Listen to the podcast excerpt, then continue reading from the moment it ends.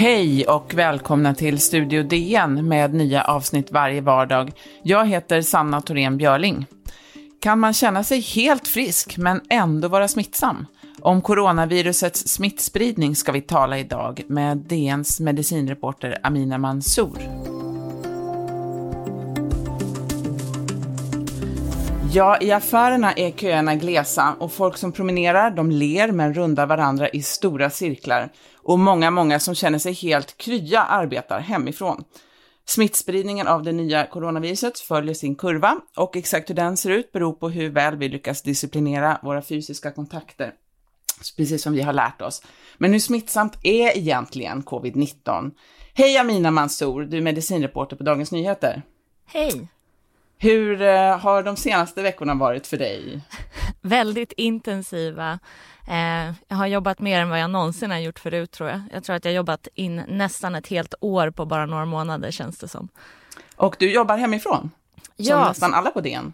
Ja, jag har jobbat hemifrån nu i snart fyra veckor. Jag tror att det här är tredje veckan officiellt, men jag var lite småsjuk några dagar innan så att jag jobbade hemifrån då också. Du, eh, olika sjukdomar är ju olika smittsamma. Eh, mässling till exempel är extremt smittsamt har jag förstått. Om man jämför med andra sjukdomar, hur smittsamt är det här coronaviruset egentligen? Alltså, det är ganska smittsamt. Inte, det är inte alls i närheten av mässling. För mässling, som sagt, kan smitta... En person som är sjuk kan smitta 12 till 18 personer. Det nya coronaviruset, uppskattningsvis så smittar man generellt sett 2 till 3 personer. Men det är mer smittsamt än influensa, men mindre än kikhosta till exempel. Så att ganska smittsamt men inte sådär hade det mm. varit under en person som man hade smittat, då hade utbrottet gått ner av sig själv eller stannat av sig själv efter ett tag. Just det. Så att det är lite mittemellan smittsamt. Men att man har, den som har liksom feber och torrhosta och värk överallt smittar är ju inte så konstigt. Eh, men inkubationstiden för den här sjukdomen kan ju vara uppemot två veckor. Och hur är det nu? Eh, smittar man under den tiden, eh, när man fortfarande känner sig frisk, så här sa statsepidemiolog Anders Tegnell på en presskonferens den 26 mars. Det är, är säkert så att det finns enstaka fall som smittar även sent i inkubationstiden. Det måste man komma ihåg. Det finns inga som helst indikationer som en del verkar påstå att man kan smitta under hela inkubationstiden. Det existerar inte, utan det kan röra sig om timmar, möjligen något dygn innan man får sina symptom. Det är ju lite grann diffust det där. Hur ska man tolka det här, Amina? Alltså det vi vet, det, ju, det, här är ju ett helt nytt virus och det är ju väldigt mycket som vi faktiskt inte vet med säkerhet. Men det man kan se är att folk verkar vara smittsamma eh, precis sista timmarna, kanske sista dagen till och med av inkubationstiden och när de börjar få symptom. Man är smittsam tidigt i sjukdomsförloppet. Så att det här när man får lite ospecifika symptom, man får lite ont kanske i kroppen eller man kanske får lite tryck över bröstet då kan man vara smittsam. Men, Men inte mest... när man känner sig helt frisk? Generellt sett inte. Alltså det är klart att man kan inte liksom utesluta att det finns personer där ute som är helt friska och ändå smittar. Men det, jag skulle säga att det säger man, det som Folkhälsomyndigheten här sa och som eh, Världshälsoorganisationen, amerikanska smittskyddsmyndigheten, europeiska smittskyddsmyndigheten säger att det är nog ganska ovanligt med de här som är helt friska och går och smittar. Utan man har liksom lite sådär, ja men ont i kroppen. Man kanske känner att man kanske börjar bli sjuk. För det, och då är det viktigt att man verkligen stannar hemma vid de här minsta symptomen på att man då skulle börja bli sjuk. För det är där man kanske, och så smittar man liksom den första veckan ganska mycket verkar det som. Det går liksom lite olika, man fluktuerar olika typer av begrepp. Eh, vad är det för skillnad egentligen mellan asymptomatisk och presymptomatisk? Ibland blir man inte sjuk alls, men man är ändå någon slags bärare av den här smittan. Kan du reda ut de där begreppen lite grann? Ja, men alltså, så här, det nya coronaviruset, man kan bli allt från inte sjuk alls eh, till svårt sjuk och dö. Eh, så det är ju en väldigt stort spann. Och sjukvården i nuläget fångar upp de svårare sjuka. Sen finns det de som blir väldigt milt sjuka och är hemma eh, kanske man aldrig behöver söka vård. Eh, men sen finns det de som troligtvis i alla fall, och det vet man att det finns, men man vet inte hur många de är, men människor som blir aldrig sjuka. Så de har viruset, de går och bär på det men de kommer inte bli sjuka alls. Eh, inga symptom, känna sig kärnfriska. Och de kallas då asymptomatiska.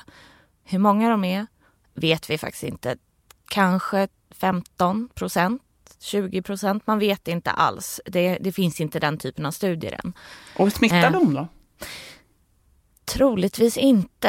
Eh, det finns nog en del som gör det. Men det är nog inte så vanligt. Eh, och det är det som man liksom försöker. Det är inte, det stå, att utbrottet utvecklas så snabbt beror främst inte på att de här människorna går omkring och är friska och smittar ner hur många som helst. Det kan finnas några sådana fall, men det är inte liksom den stora smittspridningen som går från dem. Utan det kanske är att mycket av de här, många av de här som man också då hittar i studier, det kom en studie från Island som sa att ungefär 50 procent av alla människor som de hade testat och testades, eller alla de som hade testats positiva inte hade symptom, alltså att de var asymptomatiska.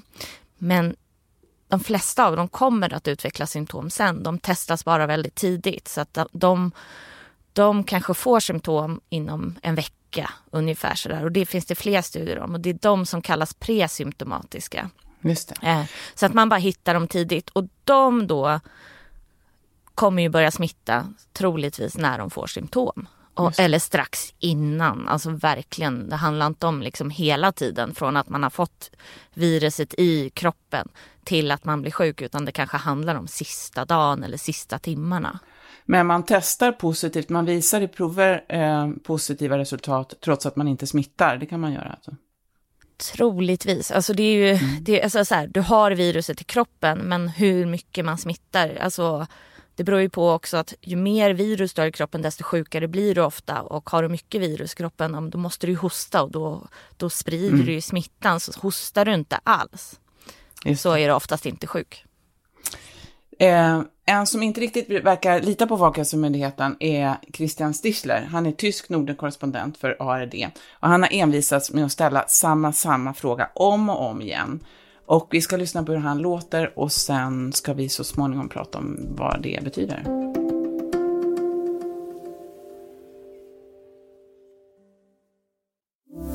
Christian Stichler, jag jobbar för tysk TV. Christian, jag jobbar för tysk TV. Christian eh, Stichler, jag jobbar för tysk TV här som korrespondent. Uh, ursäkta, jag måste fråga en gång till. Jag har varit här igår. Christian Stichler, jag kommer från tysk TV och uh, ställa en fråga en tredje gång nu denna veckan. Därför jag är fortfarande intresserad varför Tyskland och Sverige går olika... Ja, Amina, nu hörde vi Christian Stichler från tysk TV. Vad är det han är ute efter här?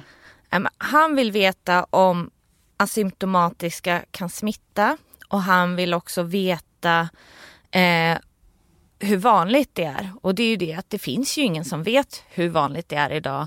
Och han vad jag har förstått så verkar han tro att svenska myndigheter säger att det inte förekommer och det, gör, det har man inte sagt utan man säger att det inte är de som driver på utbrottet vilket betyder att den stora smittspridningen det utgår inte från de här asymptomatiska personerna. Alltså de personerna som är helt friska och är helt friska under hela tiden. Eh, så att han har en liten, så här, han får det låta som att svenska myndigheter är de enda som säger det, men så är det ju inte. Utan Världshälsoorganisationen, Europeiska smittskyddsmyndigheten och amerikanska smittskyddsmyndigheten säger alla att de finns, men vi mm. vet mm. inte hur många de är och det verkar inte vara de som driver på utvecklingen av utbrottet.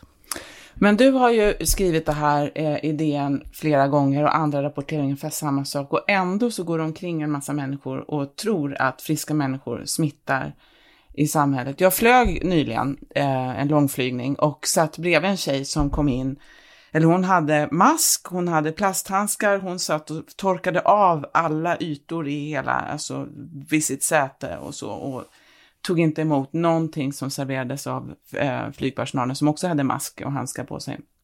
Eh, och jag kände ju, man kände ju själv att jag var, eh, hade pesten. Liksom, jag tänkte hjälp, hon kommer tro att jag dödar henne. Fast det, och så får man tvångstankar och tänker att man måste hosta lite och så. Varför går det så, är det så många som tror att friska människor smittar? det kom en studie väldigt tidigt eh, från, och uppgifter från Tyskland just eh, om att det var en kinesisk eh, resenär. Hon hade varit där på affärsmöte och att hon inte skulle haft symptom och hon smittade ändå ganska många. Eh, och den publicerades faktiskt i New England Journal of Medicine som är världens högst renommerade vetenskapliga tidskrift. Sen så har det kommit fram att hon hade ju symptom. De var väldigt ospecifika. Hon trodde hon hade jetlag men hon hade tryck över bröstet, hon kände sig frusen, hon tog paracetamol. Så att hon var ju sjuk men hon hade inte de här, hon hade inte feber, hon hade ingen hosta. Så att det var inte så tydligt för någon annan att se att hon var sjuk.